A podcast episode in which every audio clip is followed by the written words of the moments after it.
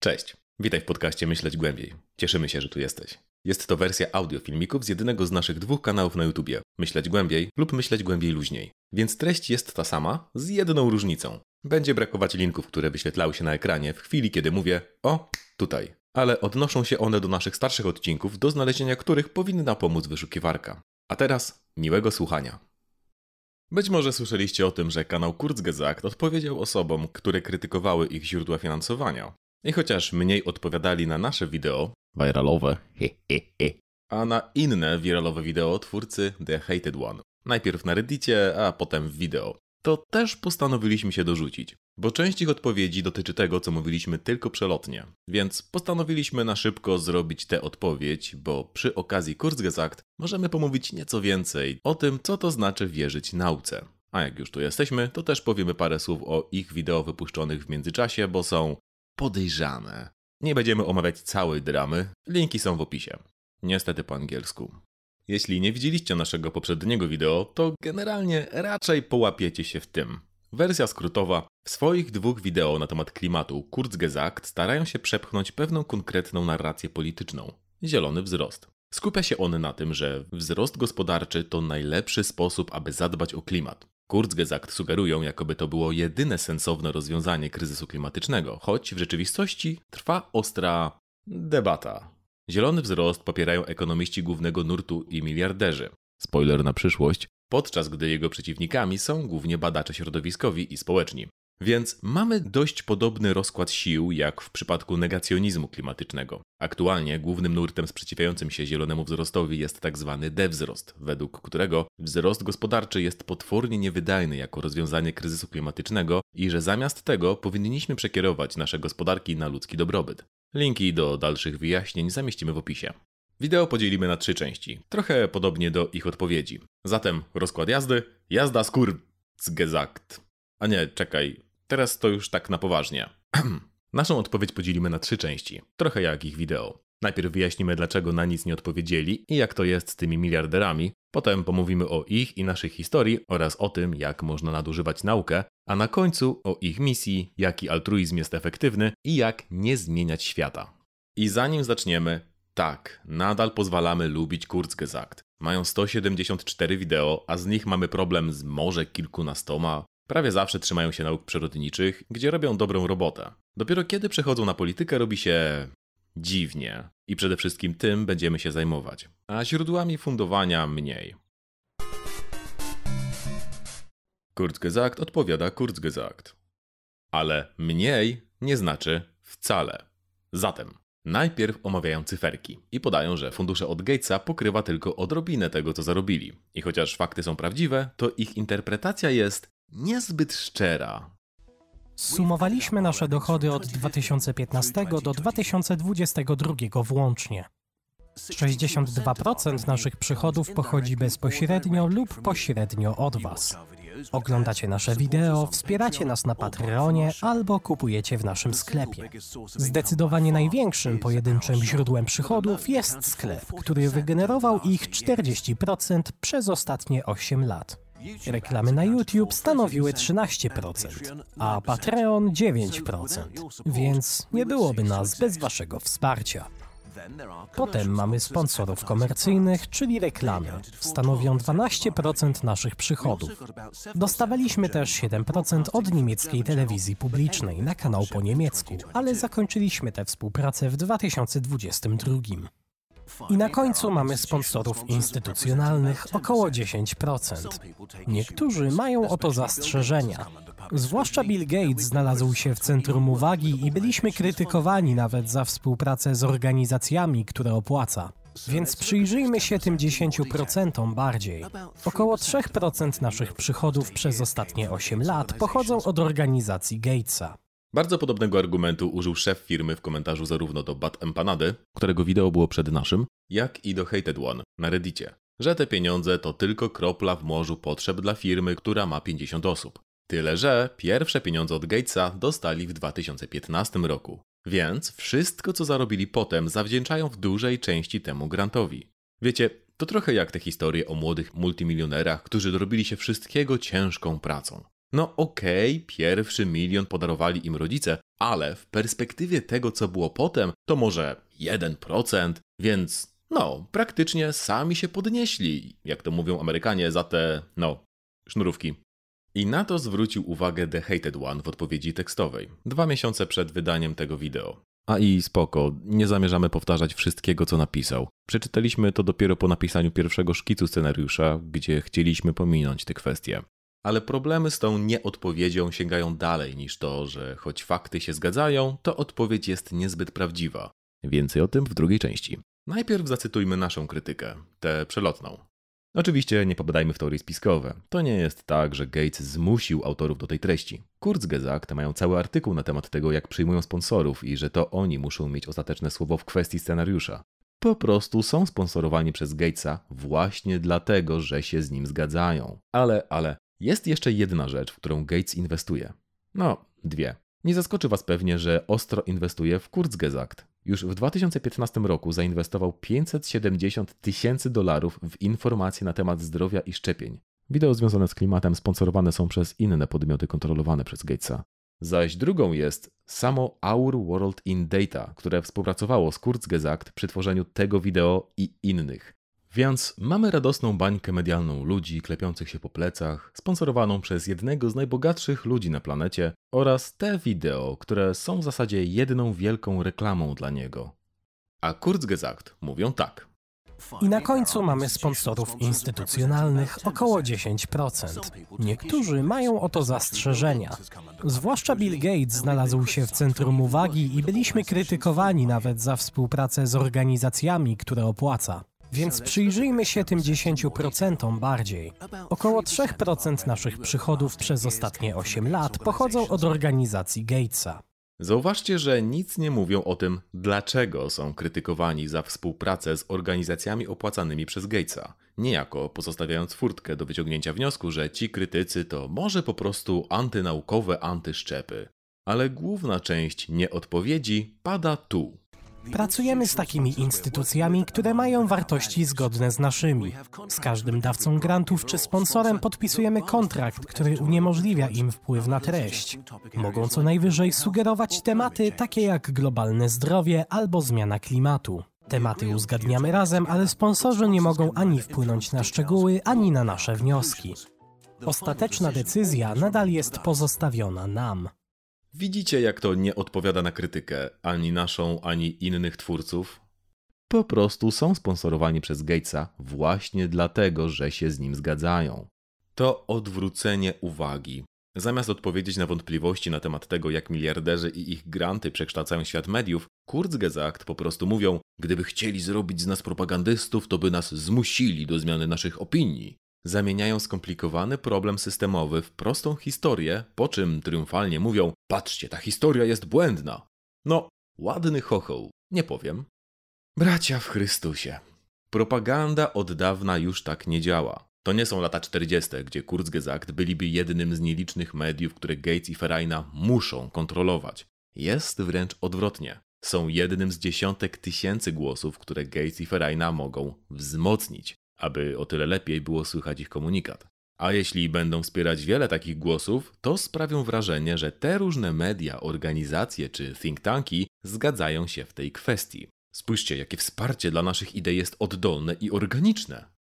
5% pochodzi z Open Philanthropy i jest przeznaczone tylko do konkretnych projektów. Dzięki nim uruchomiliśmy kanały w arabskim, hindi, koreańskim, japońskim i francuskim, przez co większa ilość ludzi może cieszyć się darmowymi treściami naukowymi.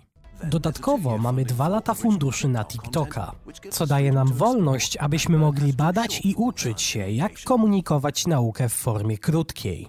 O fundowanej przez miliarderów Open Philanthropy i co łączy ją z Gatesem, pomówimy potem, ale póki co skupmy się na tym, że te pieniądze umożliwiły Kurzgesagt uruchomienie sześciu dodatkowych kanałów oraz TikToka. Coś, co pewnie nie byłoby możliwe bez wsparcia miliarderów, a przełożyło się na olbrzymi wzrost zasięgów. Więc krytyka brzmiała, że Gates używa pieniędzy, by wpłynąć na opinię publiczną, wzmacniając wybrane głosy. Co Kurzgesagt zmieniło na to, że Gates ma niby wpłynąć na ich poglądy. Dla porównania, Nasze wideo o Kurzgesagt zrobiliśmy 9 miesięcy temu. Poszło w viral i zgarnęło 1,1 miliona wyświetleń. To 25 razy więcej niż wersja polska. Dostaliśmy wiele próśb, aby przetłumaczyć je na portugalski, niemiecki, chiński czy rosyjski, ale nie mamy jak tego przetłumaczyć, nagrać, zweryfikować i zmontować. Ale gdybyśmy dostali grant od, na przykład, Iluminackiej Fundacji Tłumaczeń Dewzrostowych, wiemy, dziwna nazwa, po angielsku lepiej brzmi, to bylibyśmy w stanie w jakiś sposób wpłynąć na dyskurs w tych krajach, nie naruszając żadnej z naszych najważniejszych wartości, znaczy tych iluminackich. Ale, ale, czy sponsorowanie naprawdę nie wpływa na to, co mówią? Jasne, sponsorzy zgadzają się z ich fundamentalnymi wartościami, ale ich research również pochodzi od organizacji opłacanej przez Gatesa i trudno wyobrazić sobie, że będą gryźć rękę, która ich karmi. A to może prowadzić do dziwnych braków. Omawiając książkę Gatesa, powiedzieliśmy: Tak, czytaliśmy w ramach researchu do tego wideo, jest mniej więcej taka jak te wideo, tylko gorzej. Połowa dobrych pomysłów, połowa rażących braków z lekką posypką odklejonych pomysłów. Na przykład jednym z dwóch proponowanych rozwiązań marnowania żywności są inteligentne kubły, które skanują to, co do nich wrzucamy i pokazują ślad węglowy. Nie, to nie jest sketch. To naprawdę tam jest. Ciekawe też jest, jak mało uwagi poświęca pociągom w porównaniu z nową generacją biopaliw do odrzutowców? A, no tak, bo jest jednym z właścicieli Signature Aviation, największego światowego operatora prywatnych odrzutowców. Przy tym wszystkim to, że inwestuje w tak często pojawiające się w tych wideo alternatywy dla mięs, wydaje się wręcz błahostką. Dla jasności, książka wspomina o pociągach raz, kiedy mówi, że potrzebujemy bezemisyjnej stali. Wideo Kurzgesagt je pokazuje, ale nie mówi nic o transporcie publicznym, zaś często mówi o samochodach elektrycznych. No, sorry, ale nie kupujemy, że akurat Niemcy nie myślą o pociągach. Co, nagle jedyny ban, których interesuje to autoban? W angielskiej wersji tu przeprosiliśmy Niemców za ten nietaktowny humor, który nie spełnia nawet kryteriów dla humoru niemieckiego. Powiedzieliśmy też, że nie zamierzamy wystawiać widzów międzynarodowych na działanie autentycznego humoru niemieckiego, po czym i tak zamieściliśmy fragment humoru niemieckiego i dostaliśmy demonetyzację za prawa autorskie. Ironia. No, nie ma pociągów. Podobnie temat rezygnacji z mięsa został skreślony jako niepraktyczny, choć został przedstawiony w innym niedawnym wideo niesponsorowanym przez Gatesa. A to dlatego, że jeśli zestawi się te dwa wideo z książką, to łatwo można zobaczyć, że są raczej reklamą dla niej. Nagle w Kurzgesagt mamy o wiele mniej, cóż, Kurzgesagt, a o wiele więcej odwagi do rzucania szerokich twierdzeń politycznych. W każdym razie, podsumowując, Kurzgesagt powiedział to, co jego krytycy już i tak uwzględnili, a prawdziwe problemy zignorował. Bo to nie miała być odpowiedź dla ich krytyków, tylko opowieść dla ich fanów. A ponieważ są dużą firmą social mediową, to wiedzą, że sukces mainstreamowy bierze się z przemawiania do swojej publiki. Przez, na przykład, opowiadanie im historii, które chcieliby usłyszeć. Ale zanim powiecie Kurzgesagt bad, no to nie o to chodzi. Po prostu robią to, co taka duża firma robić powinna. Nie są dość małym kanałem jak my, ani popularnym streamerem jak Hasan, ani nawet projektem stworzonym z pasji dwóch osób jak Crash Course. Tego rozmiaru firma ma pewien bezwład, którego nie da się uniknąć. Zatem jeśli ich wideo brzmi trochę korpo, to tylko dlatego, że jest, no, korpo.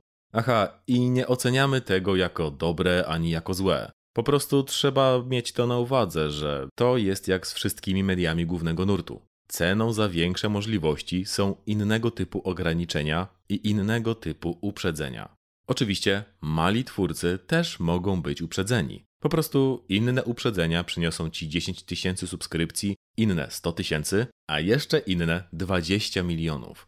I tu przechodzimy do drugiej części opowieści. Historia. Jak z faktów tworzyć opowieści? Wideo Kurzgesagt to jednak nie tylko odpowiedź na krytykę, a również opowieść o tym, jak to lubią snuć opowieści. Fundament Kurzgesagt powstał, gdy nasz założyciel Filip jako nastolatek zrezygnował ze szkoły średniej.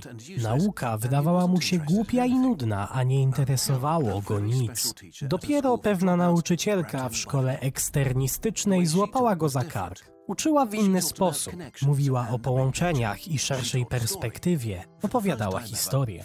Pierwszy raz w życiu Filip chciał uczyć się więcej bez przymusu. To było ważne doświadczenie w jego życiu. Kurzgesagt stara się odtworzyć to doświadczenie dla Was. Nic nie jest nudne, jeśli opowie się dobrą historię. A próbujemy tak robić, aby wzbudzić zainteresowanie, abyście zechcieli pójść i nauczyć się więcej. O to nam chodziło, kiedy powiedzieliśmy, że to wiadomość skierowana w stronę ich publiczności. Jeśli chcesz tylko odpowiedzieć na krytykę, to nie owijasz tego w historię o tym, jaki to jesteś wspaniały, więc przy okazji, jak wspaniali są ci, którzy lubią cię słuchać. Dlatego to zwykła zagrywka PR-owa. Ale dobra, użyjmy ich odpowiedzi jako przydatnego punktu wyjścia. Zaczniemy od tego cytatu. Jako zespół i firma chcemy się rozrastać, aby dać większej ilości ludzi dostęp do spojrzenia na świat opartego na nauce. Bo widzicie, historia naszych kanałów jest poniekąd podobna, ale nasza zaczyna się nieco po tym, gdzie ta Kurzgesagtowa ma nas doprowadzić. Pan S, czyli scenarzysta, był generalnie osobą wychowaną na kontencie typu Kurzgesagt. Taki, wiecie, intelektualista internetowy, który co prawda nie miał formalnego wykształcenia na temat, no, świata, ale bardzo ciekawiło go wszystko, co jest powiązane z nauką. Z polityką może niekoniecznie, bo była taka skomplikowana i irracjonalna, ale zgodziłby się, że ma światopogląd oparty na nauce. Zatem, zrodzony z łona ateistów, wykarmiony piersią sceptyków, blogerów naukowych i racjonalistów, myślał, że rozumie wszystko. A potem nadszedł 2014 i 15 i 16. Inwazja na Ukrainę. Wiecie, ta pierwsza. Duda i PiS, którzy uratowali naszą Polskę przed zalewem uchodźców, których wtedy nie było. Brexit, Trump. Świat wydawał się oszaleć, a wielu sceptyków wraz z nim. Więc czując, że brakuje mu czegoś kluczowego, pan S po trzydziestce wziął się i poszedł na filozofię. Wystarczyło kilka dni, aby roztrzaskać jego światopogląd oparty na faktach, logice, sceptyce, reddyce i internyce, a po kilku miesiącach był już stracony dla swojego starego świata. Widział tę olbrzymią przepaść, której nie były w stanie wypełnić żadne ówczesne treści internetowe. I choć anglojęzyczny YouTube w końcu zgarnął jakichś wideoeseistów, którzy mówili o skomplikowanych kwestiach społecznych, filozoficznych czy politycznych, to polski nie bardzo. Wyrazem tego stał się nasz pierwszy w pełni oryginalny scenariusz, który nie opisywał tylko jednej perspektywy czy koncepcji. Filozofia kuców. Nasi widzowie, których wtedy było już przeszło dziewięć setek, mogli rozsiąść się na maraton filmowy, gdzie przez grubo ponad 20 minut opisywaliśmy a nie, czekaj, po co ja to gadam? Przecież możecie go obejrzeć, o, tutaj. Skracając do jednego zdania, te osoby mające światopogląd oparty na nauce mają często tak konserwatywne poglądy, bo metoda naukowa stosowana w naukach społecznych czy humanistycznych drastycznie różni się od tej z nauk przyrodniczych, a uznają tylko tę drugą. Z nią ostatnią Kurzgesagt radzi sobie dobrze. Ich research jest dogłębny, zwłaszcza, że tworząc 10-minutowe wideo, mogliby spokojnie stać się taką content farm. Czyli wiecie, taką stroną jak 5 Minute Crafts, która wypuszcza byle jakie bzdury, bo kliki ma zapewnić ilość, a nie jakość. Dobra, żarty żartami, ale Szymon sobie w końcu siedzi cicho i nikomu nie szkodzi, więc no, chyba posłuchał tej rady co do odcinka o atomówkach. Panie S, melduję spełnienie misji. Niestety, kiedy zdarza im się odejść od nauk przyrodniczych, a utrzymywać to samo podejście, to trochę nie działa. Znaczy, dla nich działa, ale widzom to wyrządza niedźwiedzią przysługę. W odpowiedzi na wideo The Hated One założyciel Kurzgesagt odpisał na reddicie. Zarzut drugi. Kurzgesagt pracuje w sposób nienaukowy i korzysta ze źródeł również opłacanych przez grantodawców. TLDR, nie pracujemy naukowo, a w naszych wideo szczegółowo weryfikujemy fakty i pracujemy z naukowcami z całego świata. Zacytowaliśmy odpowiedź tekstową, a nie wideo, bo ona wyraża wprost to, co w wideo jest tylko niewypowiedzianym założeniem. Daje prostą dychotomię: dobro kontra zło, pronaukowcy kontra antynaukowcy, weryfikacja faktów kontra fejki i prawda kontra kłamstwa. Od tej pory będziemy używać anglicyzmu fact-checking, bo jest krótszy i poręczniejszy. A kiedy robisz fact-checking, to jesteś po dobrej stronie, bo jedyną alternatywą są fejki, prawda? I właśnie takie uproszczenia ma korygować nasz kanał. Założenie, że fact-checking jest synonimem prawdy. I jasne, propagandyści czy kłamcy nie robią fact-checkingu, ale tylko dlatego, że ich publiczności nie zależy na faktach. Więc bardziej wydajne będzie je po prostu zignorować. Ale można mieć wspaniale uźródłowioną i sfakt-czekowaną historię, która nadal będzie błędna lub wypaczona. Sama poprawność faktów nic nie znaczy, jeśli uprzedzenie kryje się w ich doborze. Tak jak w ich wideo, kiedy starannie wybrali listę krajów redukujących emisję, albo chwalili Norwegię za subsydia do samochodów elektrycznych, choć brały się z eksportu paliw kopalnych. W języku filozoficznym fact-checking jest warunkiem koniecznym, ale niewystarczającym, aby opowiedzieć prawdziwą historię. Jako przykład, spójrzmy na 15 sekund, które ostatecznie skłoniło nas do odpowiedzi i z rozpędu stworzenie anglojęzycznego kanału. Niektórzy mówią, że jedynym rozwiązaniem jest odejście od kapitalizmu, a inni naciskają, że rynki powinny być jeszcze bardziej wolne, bez takich interwencji jak subsydia. A jeszcze inni sugerują, że potrzebujemy tak zwanego dewzrostu, czyli żebyśmy ogólnie ograniczyli się jako gatunek. W dokumencie źródłowym podają cytat na temat tego, jak dewzrost kłóci się ze wzrostem, który pochodzi z posta na stronie Degrowth Info. Więc prawidłowo potwierdzili swoją tezę, że dewzrost kłóci się ze wzrostem. Ale zaraz. Oni nie przedstawili jej jako tej tezy, tylko jako wyjaśnienie, czym dewzrost jest. A jak wspomnieliśmy, centralnie na głównej stronie jest lepsza definicja. Więc zamiast mówić ogólnie ograniczyli się jako gatunek, mogliby powiedzieć skupili się na ludzkim dobrostanie, nie wzroście gospodarczym. Cztery sylaby więcej, a wyjaśnienie znacznie lepsze. Ale musimy wziąć pod uwagę też kontekst. Całe wideo skupia się na tym, jak wzrost jest dobry, więc ogólnie ograniczyli się jako gatunek nie brzmi jak twierdzenie niewartościujące. No i pokazali też, że pieniążek spada z malejącego wykresu, a ptaszkowi, który to widzi, robi się smutno. Więc mimo tego, że fakt, iż wzrost kłóci się ze wzrostem jest poprawny, to historia mówi, że wzrost spowoduje, że będziemy biedni i nieszczęśliwi. I wiecie co? Jest na to słowo. W 2007 badacze na Uniwersytecie Harvarda określili tę strategię mianem palteringu, gdzie palter jest czymś mniejszym niż kłamstwo. Samo to słowo pochodzi od dawno nieużywanego słowa oznaczającego zwodzić lub oszukiwać, ale nie mogliśmy znaleźć polskiego odpowiednika, będziemy więc zapożyczać. Najbliższe byłoby matactwo, ale też wydaje nam się, że czasem można się z nim spotkać. Zostawcie sugestie w komentarzach. Badacze definiują kłamstwo jako posiadające trzy cechy. Pierwsza wynika z intencji wprowadzenia słuchacza w błąd, druga przekazuje nieprawdziwe twierdzenie, trzecia powoduje, że słuchacz ma uwierzyć w nieprawdziwy stan rzeczy.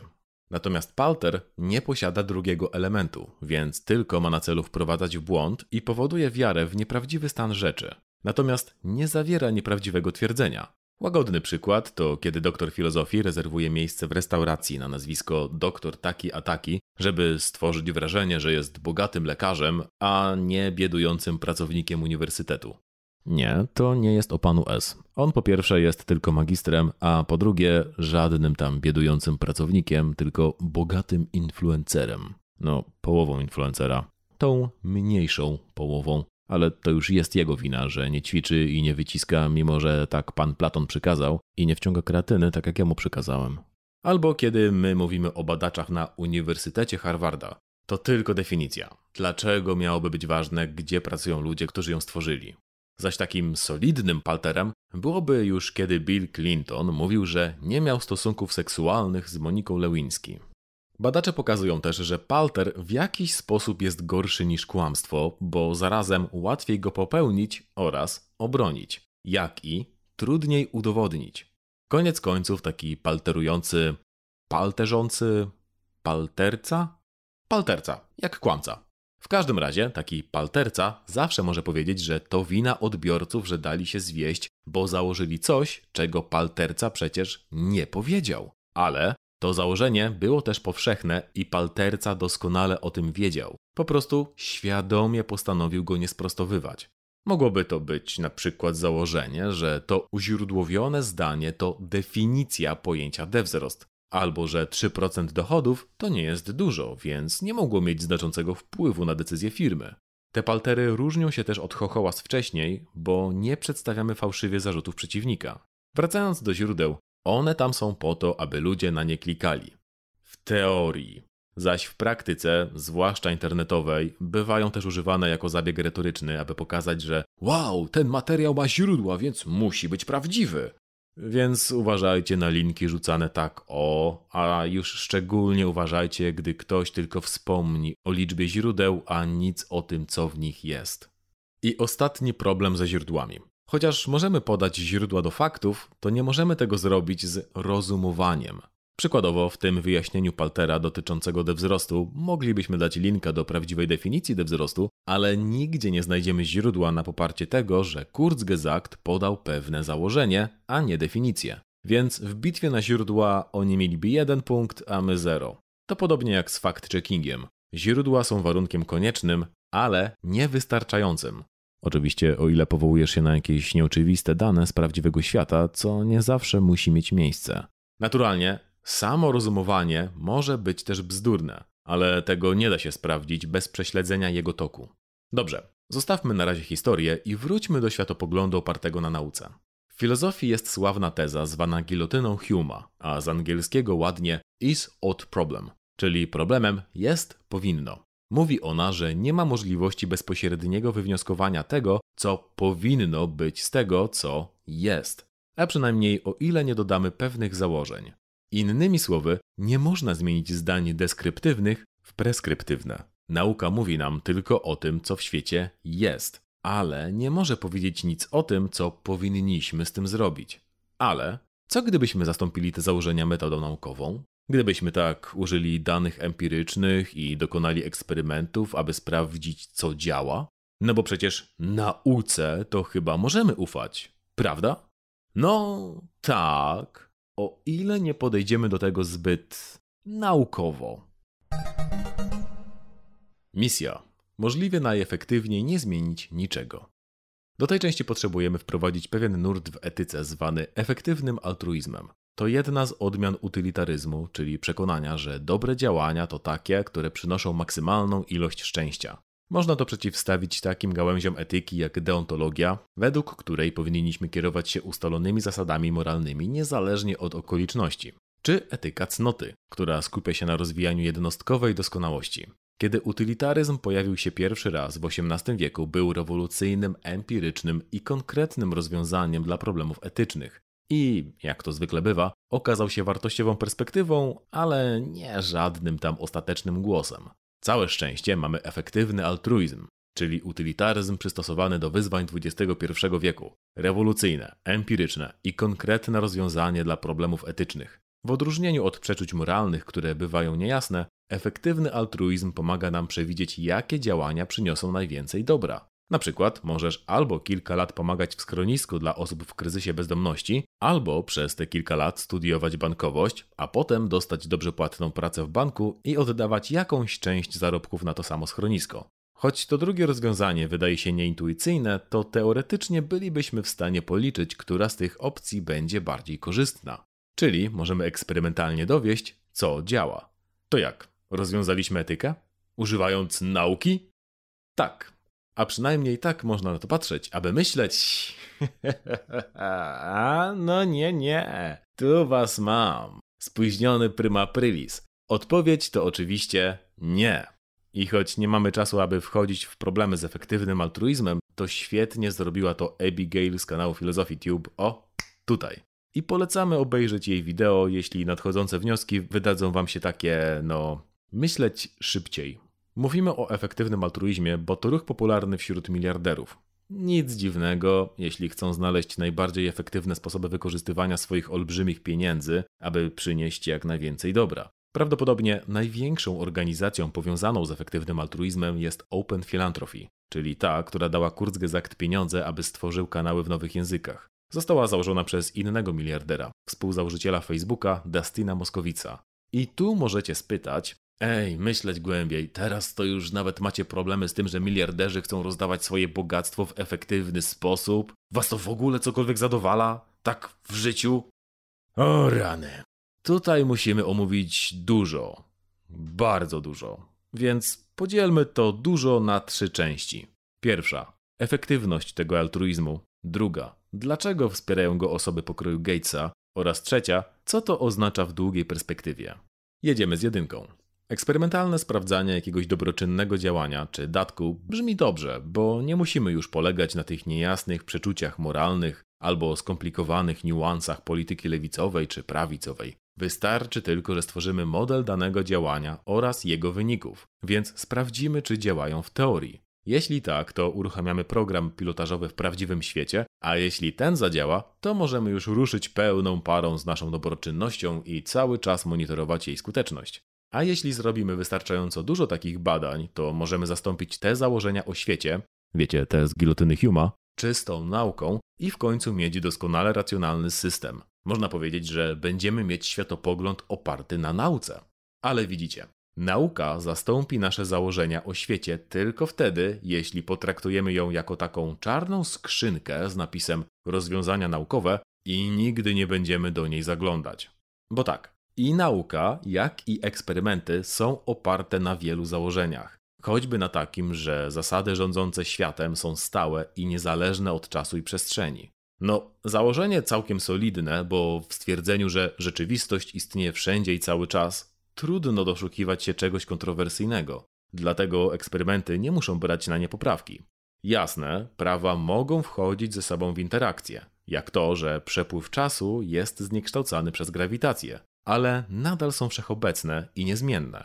Ale to tylko działa w naukach przyrodniczych, bo gdybyśmy chcieli zastosować tę zasadę do świata społecznego, musielibyśmy założyć, że zasady rządzące społeczeństwem są stałe i niezależne od czasu i przestrzeni. Tak oczywiście nie jest. Nie tylko dlatego, że społeczeństwa się zmieniają, a również dlatego, że składają się z osób, które świadomie reagują na zmiany wokół nich. Jest nawet jeszcze gorzej. Samo to, że społeczeństwo dowiaduje się czegoś o sobie, powoduje, że zmienia podejście do tego, czego się dowiedziało. Jak w ogóle możesz modelować coś, co zmienia się jak tylko na siebie patrzy? Prosta odpowiedź: nie możesz, więc tego nie robisz. Zatem to, co było racjonalnym założeniem w naukach przyrodniczych, staje się założeniem całkowicie irracjonalnym, gdy chcemy zmierzyć dobro w społeczeństwie. Musimy znaleźć sposób, aby z jednej strony uczynić społeczeństwo jakoś lepszym, a z drugiej tak naprawdę go nie zmienić. Czyli musimy wykreować maksymalną ilość dobra, zmieniając tak niewiele, jak to tylko możliwe. Bo koniec końców, żadnej zmiany w systemie nie można przewidzieć. Zatem nie można zmierzyć jej efektywności. I dokładnie to podejście Kurzgesagt wykorzystuje w swoich wideo o klimacie. Skoro znamy tylko to, co mamy, to możemy robić tylko to, co znamy. Od choćby tutaj. Nie mamy też czasu na rozpracowanie tego i przeprowadzanie eksperymentów. Musimy wprowadzać rozwiązania natychmiast. Innymi słowy, gdyby efektywny altruizm istniał w XVIII wieku, skupiałby się na tym, jak każdy i każda z nas może pomóc przekonać króla, aby dokonał najlepszych wyborów. Bo demokracja jest czymś niesprawdzonym i potencjalnie niebezpiecznym. To teraz drugi punkt. Nic dziwnego zatem, że efektywny altruizm jest ulubioną filozofią współczesnych królów, czyli miliarderów, z Gatesem włącznie. Bądź co bądź umieszcza ich na szczycie jako ludzi, którzy mogą dokonać maksymalnej ilości dobra i zapewnia, że struktury, które ich tam wyniosły, pozostaną bez zmian. W ten sposób efektywny altruizm powoduje, że pracujemy w obrębie systemu, zarazem go wzmacniając. W końcu musimy efektywnie zarabiać pieniądze, aby efektywnie łagodzić niektóre jego niesprawiedliwości. Przykładowo, pracując w banku, możesz przyczynić się do wzrostu ceny nieruchomości, przez co trudniej będzie kupić mieszkanie. Ale potem przekażesz część dochodów na schronisko dla osób w kryzysie bezdomności, przez co bezdomność będzie nieco mniej dokuczliwym problemem. Pomagasz systemowi z obu stron, w takim ironicznym, zaklętym kręgu. Wzmacniasz go, aby posprzątać bałagan, który powoduje. Ale to nie wszystko. Widzicie, ci miliarderzy nie dają pieniędzy rządowi, czy jakiejś organizacji oddolnej, czy każdemu obywatelowi, aby wykorzystywali je tak, jak uznają to za stosowne. Nie. Oni tworzą fundacje, aby wydawać te pieniądze w sposób, który dla nich samych jest najlepszy. I chociaż mogą osobiście nie podejmować tych decyzji ani nie zmuszać do nich zarządu, to nadal wybierają osoby, które mają takie same poglądy jak oni. Widzicie, jaki to doskonały szwindel, nie? Dostają pochwały za to, że tyle oddali na cele charytatywne, chociaż w rzeczywistości po prostu poszerzają swoje wpływy polityczne. Dlaczego niby Bill Gates jest uważany za jedno z ważniejszych nazwisk w dziedzinie zdrowia publicznego? Nie dlatego, że jest lekarzem. To po prostu król, który ma dużo pieniędzy i chce pomóc. Ale on też nie oddaje tych pieniędzy bezwarunkowo, aby powiedzmy WHO decydowało, co z nimi zrobić. On je rozdaje według swojego rozeznania, a ono bierze się stąd, że Znów jest królem, który ma dużo pieniędzy. A chociaż pieniądze mogą dać ci dostęp do ekspertów, to ekspertem cię nie uczynią. Przechodząc do punktu trzeciego, czyli perspektyw długoterminowych, musimy zrobić mały objazd. No, mały, ale długi, bo Kurzgesagt mówi coś takiego. Oprócz ciekawości, chcemy zainspirować Was do myślenia w długiej perspektywie oraz patrzenia w pozytywny i konstruktywny sposób. I przez to musimy omówić teraz radykalną wersję efektywnego altruizmu zwaną long-termizmem. Bo widzicie, jednym z ciekawszych założeń efektywnego altruizmu jest to, że nie jest ważne, jak daleko jest osoba, której chcesz pomóc. W rzeczy samej, jeśli mieszkasz na zachodzie, najbardziej efektywne byłoby zarabianie pieniędzy tutaj i wydawanie ich organizacjom charytatywnym w znacznie biedniejszych krajach, a nie u siebie. Bo tutaj zwyczajnie wszystko jest znacznie droższe. Ta sama zasada stosuje się też do czasu. Lepiej studiować bankowość przez kilka lat i pomóc więcej, zamiast pomagać mniej, ale od razu. Long-termizm bierze ten pomysł i podkręca go do 10 tysięcy. Według niego mamy moralną odpowiedzialność wobec ludzi z przyszłości. I to nie tylko tej za 100 lat, a za tysiąc, za 10 tysięcy, 100 tysięcy, kiedy ludzkość skolonizuje całą galaktykę. I tutaj fikcja naukowa rozbija się o rzeczywistość polityczną. Bo widzicie, Kurzgesagt dostał pieniądze od Open Philanthropy właśnie aby tworzyć wideo o tematach odnoszących się do efektywnego altruizmu i ulepszania długoterminowej przyszłości ludzkości. Zrobili też wideo sponsorowane przez Williama McCaskilla, znanego filozofa longtermizmu, o tym jak nasza cywilizacja się nie zawali. Ale nawet gdyby wymarło 99% ludzi, nadal bylibyśmy w stanie przetrwać jako gatunek. Aktualnie w rolnictwie pracuje miliard ludzi, więc gdyby światowa populacja opadła nawet do 80 milionów, praktycznie gwarantowane jest, że wielu z nich wiedziałoby, jak hodować żywność. Oraz inne wideo sponsorowane przez Open Philanthropy o tym, jak możesz czuć podziw, dlatego że choć teraźniejszość może wydawać się straszna, to ludzkość prawdopodobnie jest dopiero na początku swej podróży. Ludzie nigdy nie opuszczają Ziemi. Ostrożnie załóżmy, że ludzie przetrwają przez milion lat, co daje nam jeszcze 800 tysięcy lat na gry i zabawy. Zakładając stabilną ilość narodzin w wysokości 125 milionów ludzi na rok, to w przybliżeniu 100 bilionów ludzi narodzi się w przyszłości. To 850 razy więcej niż ludzi, którzy żyli do tej pory. W tym przypadku ludzie żyjący teraz stanowiliby tylko 0,008% ludzi żyjących kiedykolwiek. Wtedy nasze przyszłe liczby rosną do 1,2 kwadryliona ludzi, którzy dopiero przyjdą na świat. A nawet to nie jest końcem naszego potencjału. Ludzie opuszczają Ziemię. Cywilizacja rozciągająca się na układ słoneczny stworzyłaby podstawę dla istnienia dla absurdalnie dużej liczby osób. O całe rzędy większej niż gdybyśmy zostali na Ziemi, nawet gdyby miała trwać przez tylko kilka milionów lat. Ludzie opuszczają układ słoneczny. Jeśli ludzie z przyszłości mogliby skolonizować powiedzmy 100 miliardów gwiazd i istnieć tam przez 10 miliardów lat, i na każdej z nich rodziłoby się 100 milionów ludzi na rok, to możemy się spodziewać około 100 kwadryliardów przyszłych żyć. To jedynka z 29 zerami, 100 tysięcy bilionów, bilionów. Jeśli podzielimy całą energię dostępną w galaktyce na potrzeby energetyczne pojedynczej osoby, wyjdzie nam septylion potencjalnych żyć. Milion bilionów, bilionów, bilionów potencjalnych osób. I kiedy słyszymy takie rzeczy, Optymistyczne podejście do przyszłości ludzkości nie jest mainstreamowe i naszym zdaniem to okropne. Pesymizm często brzmi mądrze i daje więcej klików, zaś optymizm może brzmieć naiwnie, ale to uprzedzenie nie jest korzystne dla nas jako gatunku. to trochę nas to tak. Yy. Bo według ich wideo o kryzysie klimatycznym poradzimy sobie z nim. Potrzebujemy tylko nieco więcej woli politycznej, trochę lepszych wyborów konsumenckich i generalnie niezaburzania statusu quo. Ale nawet jeśli nam się to nie uda, to o ile cała ludzkość nie wyginie, to nadal czeka nas świetlana przyszłość jako gatunku.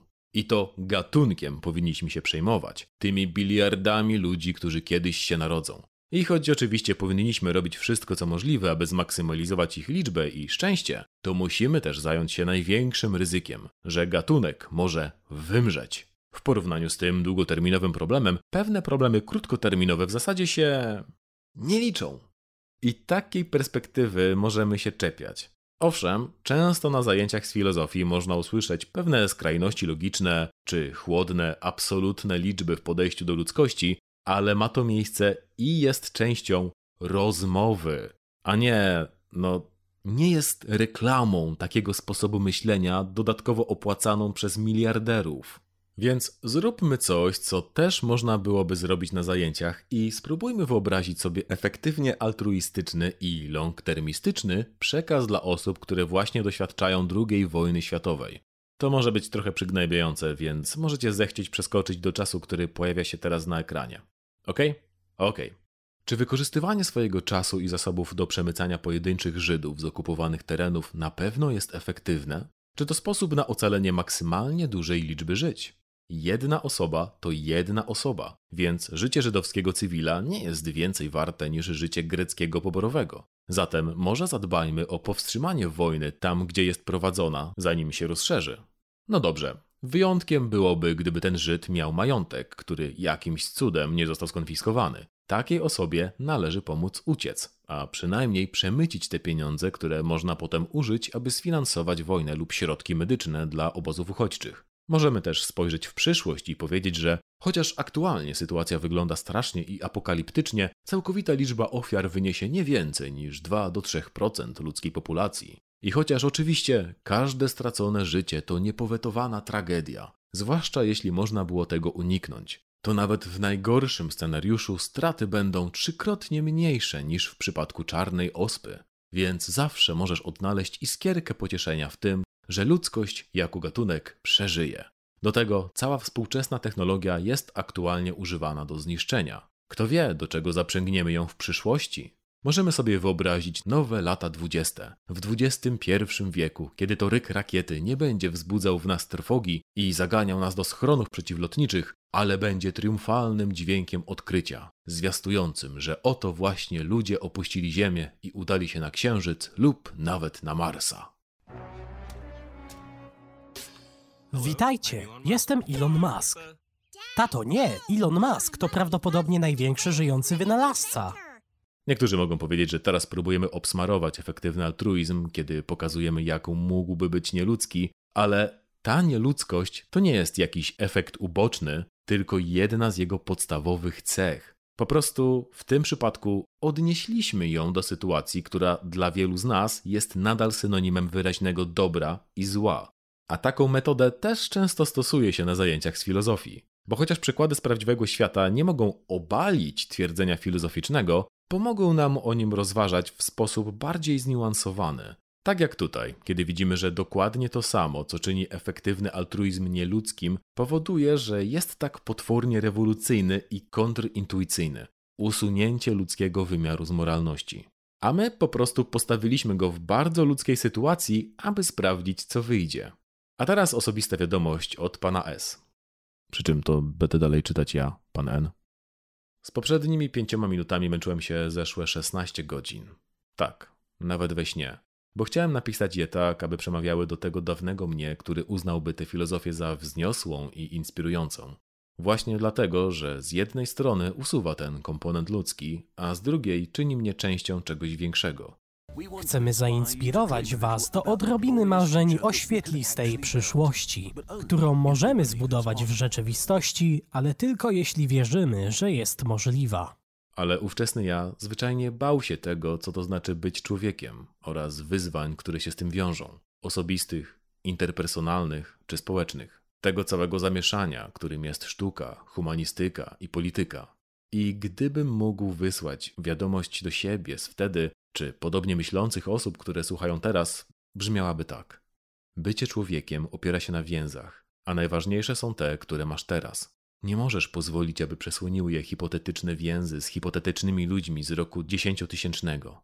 Bo to prawda, że żyjesz w kluczowym momencie w historii i dlatego masz pomóc to ogarnąć. Nie dla jakichś doskonałych ludzi w roku dziesięciotysięcznym, ani dla ich doskonałej wersji Maska, ale dla prawdziwych, niedoskonałych ludzi żyjących teraz, Bo jeśli tego nie zrobisz, nie podejmiesz działania, nie będziesz się organizować, protestować, tworzyć społeczności, hakować technologii, to będziesz jak te obrazki, gdzie wychudzona postać skulona w rogu zimnego, pustego pokoju ma założony headset wirtualnej rzeczywistości, kiedy będziesz marzyć o tej swojej doskonałej long-termistycznej przyszłości.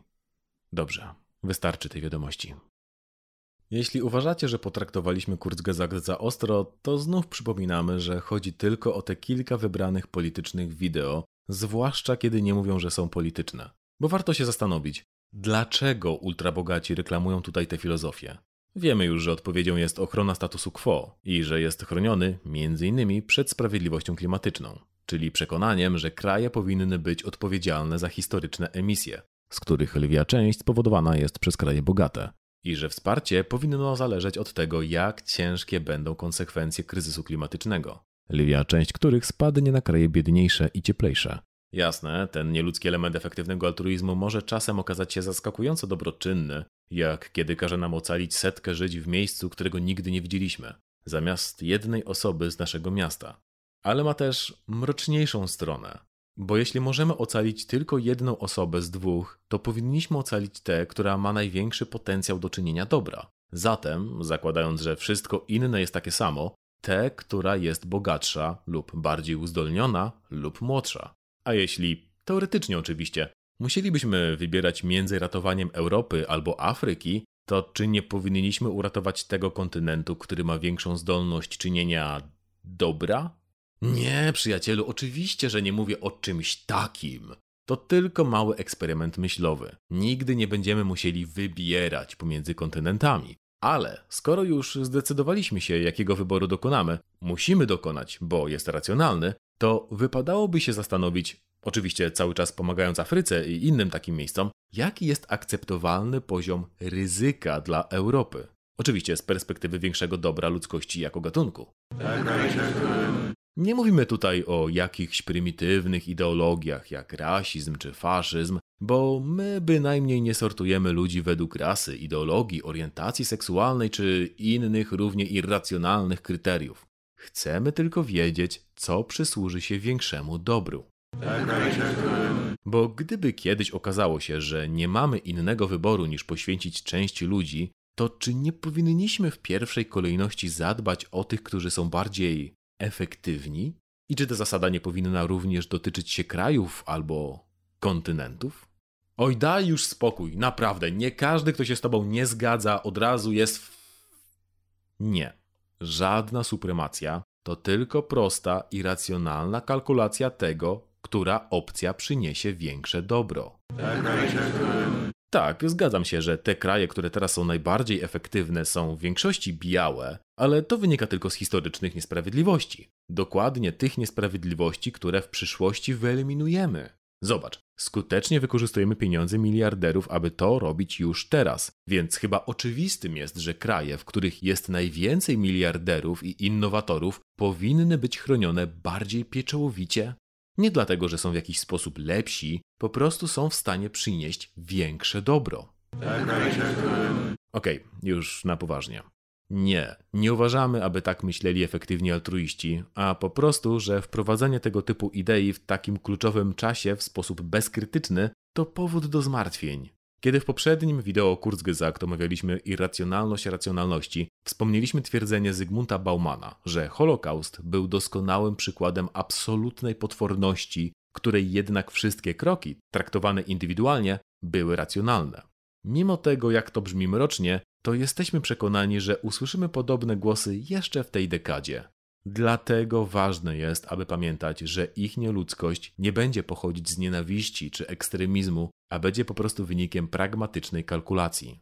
W tym segmencie pokazaliśmy, mamy nadzieję, pewne granice pragmatyzmu, zwłaszcza tego, że choć wydaje się naukowy, wyliczony i bezemocjonalny, to nadal jest bardzo polityczny i przede wszystkim oparty na założeniu, że niczego nie możemy zmienić.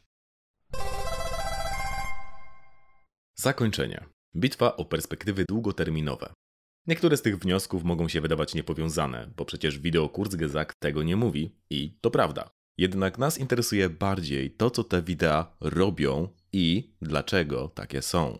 Na tym polega rola nauk społecznych i filozofii politycznej. Chcemy pomóc Wam dociekać wnikliwiej na temat tych kwestii, a nie tylko traktować je jako proste historie, zwłaszcza takie z dobrymi i złymi postaciami. Chcemy pomóc Wam w rozważaniu staranniej, dlaczego ten kanał przeszedł od prostego popularyzatorstwa naukowego przez rozwiązywanie problemów świata do zawolowanej polityki.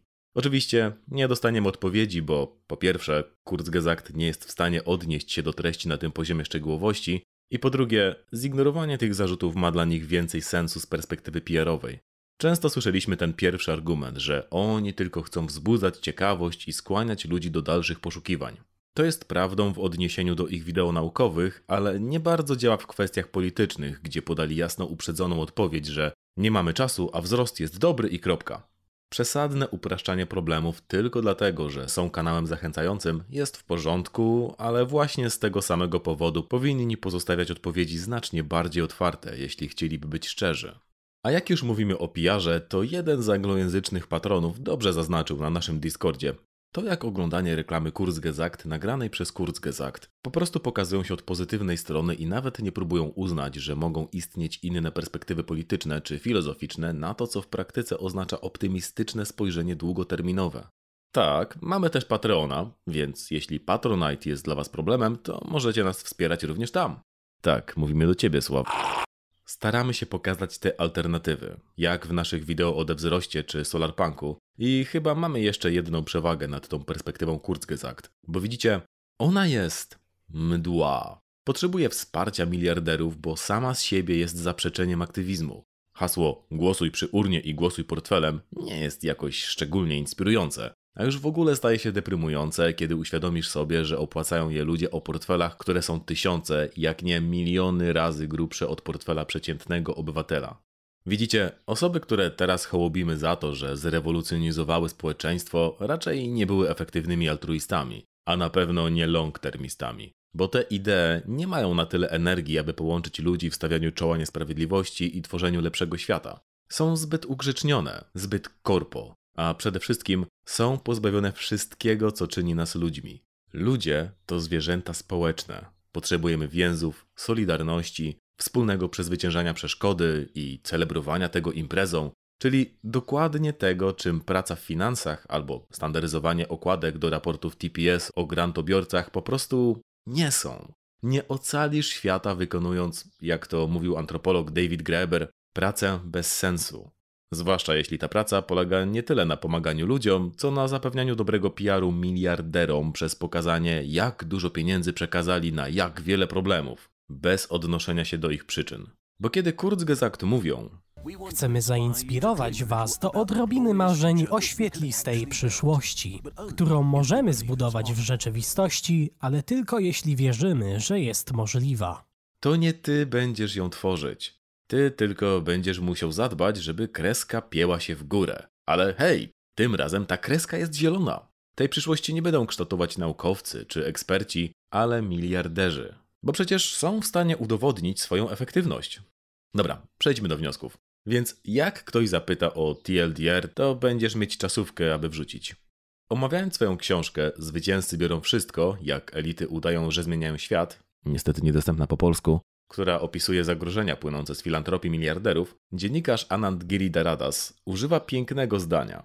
Upodabniając proces zmiany społecznej do zarządzania startupem czy firmą, filantropii miliarderzy zmieniają zmianę.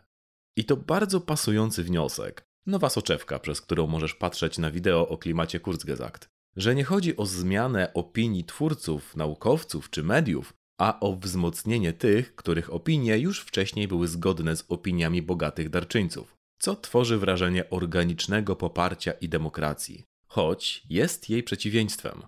Kolejną soczewką niech będzie to, jak można użyć opowieści o ufaniu nauce albo fact-checkingu, aby przepychać narracje, które nie są do końca prawdziwe. Na przykład, jak kiedy Kurzgesagt mówią, że ze wszystkich dochodów z ostatnich 7 lat dostali tylko 3% od fundacji Gatesa, ale nie przyznają, że te pieniądze zostały im przydzielone zaraz po tym, jak założyli firmę.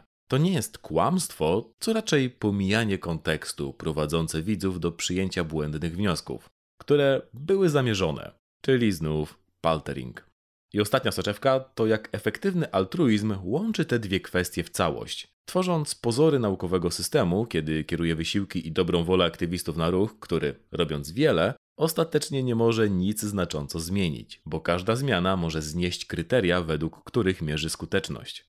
A przynajmniej tak można na to spoglądać, aby zastanowić się nieco precyzyjniej. Morda! Hej kochani, to dalej ja, pan N, z małym posłowiem. Zanim cokolwiek, najsampierw ogromne podziękowania dla Imperatora Mrówek za jego chętny wkład lektorski.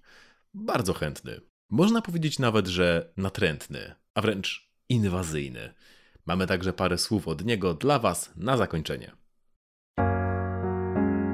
To jest piosenka dla wybranka mojego serca i rozumu. Panes, tyś jest gość, a twoich skryptów nigdy nie mam dość. Panes, zrozum, że będę cię kochał aż po świata kres. O, panes, panes, panes, panes, panes, panes, panes, panes, panes, panes, ja kocham cię. O, panes, panes, panes, panes, panes, panes, panes, panes, panes, panes, ja kocham cię. O, Sakowski czy Szymon, jak i każdy inny szur nie powstrzymają filozofii i rozumu. Panie S, jak ty nie ma dwóch i będziesz mój. Wow. Panes, panes, panes, panes, panes, panes, panes, panes, panes, panes, ja kocham cię. Panes, panes, pa- panes.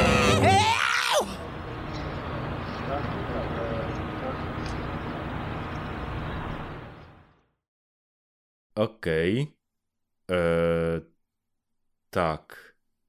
Czy ja pomyliłem nagrania? Hm. Cóż, e, dziękujemy Imperatorze za wsparcie. Po więcej materiałów tego cudownego człowieka zapraszamy na jego kanał, do którego link pojawi się o tutaj. Dobrze, więc jak mogliście zauważyć, ten materiał jest pierwszym, jaki powstał najpierw na nasz anglojęzyczny kanał, a w drugiej kolejności dopiero na polski. Było to spowodowane, że tak powiem, wrażliwością czasową. Zwyczajnie chcieliśmy być pierwsi, którzy odpowiedzą na filmik Kurzgesagt, bo jak zapewne się domyślacie, mamy wtedy większe szanse na sukces długoterminowy i bycie punktami odniesienia w wideo innych twórców. A zdobywanie fejmu jest dość ważne, jak się buduje imperium medialne. To oczywiście absolutnie nie znaczy, że będziemy się skupiać na drugim kanale, a polski zostawimy. Nie. Oba są naszymi dziećmi, kochamy je porówno, a to też znaczy, że niektóre treści będziemy publikować najpierw tam, bo jak możecie wywnioskować, będą istotne z punktu widzenia celów długoterminowych, czyli zdobywania większej publiczności. Jeśli chcielibyście nas pochwalić za tak sprytny plan, możecie to zrobić na naszym Discordzie, który mamy, polajkować to wideo, podesłać je gdzieś dalej oraz lub dorzucić nam się na Patronite na yerbę. Bo nie wiem czy wiecie, ale obecna cena mojej i pana S ulubionej Rosamonte Suave Selezione Special kosztuje już 50 zł. Za kilogram! 50! Pojeb...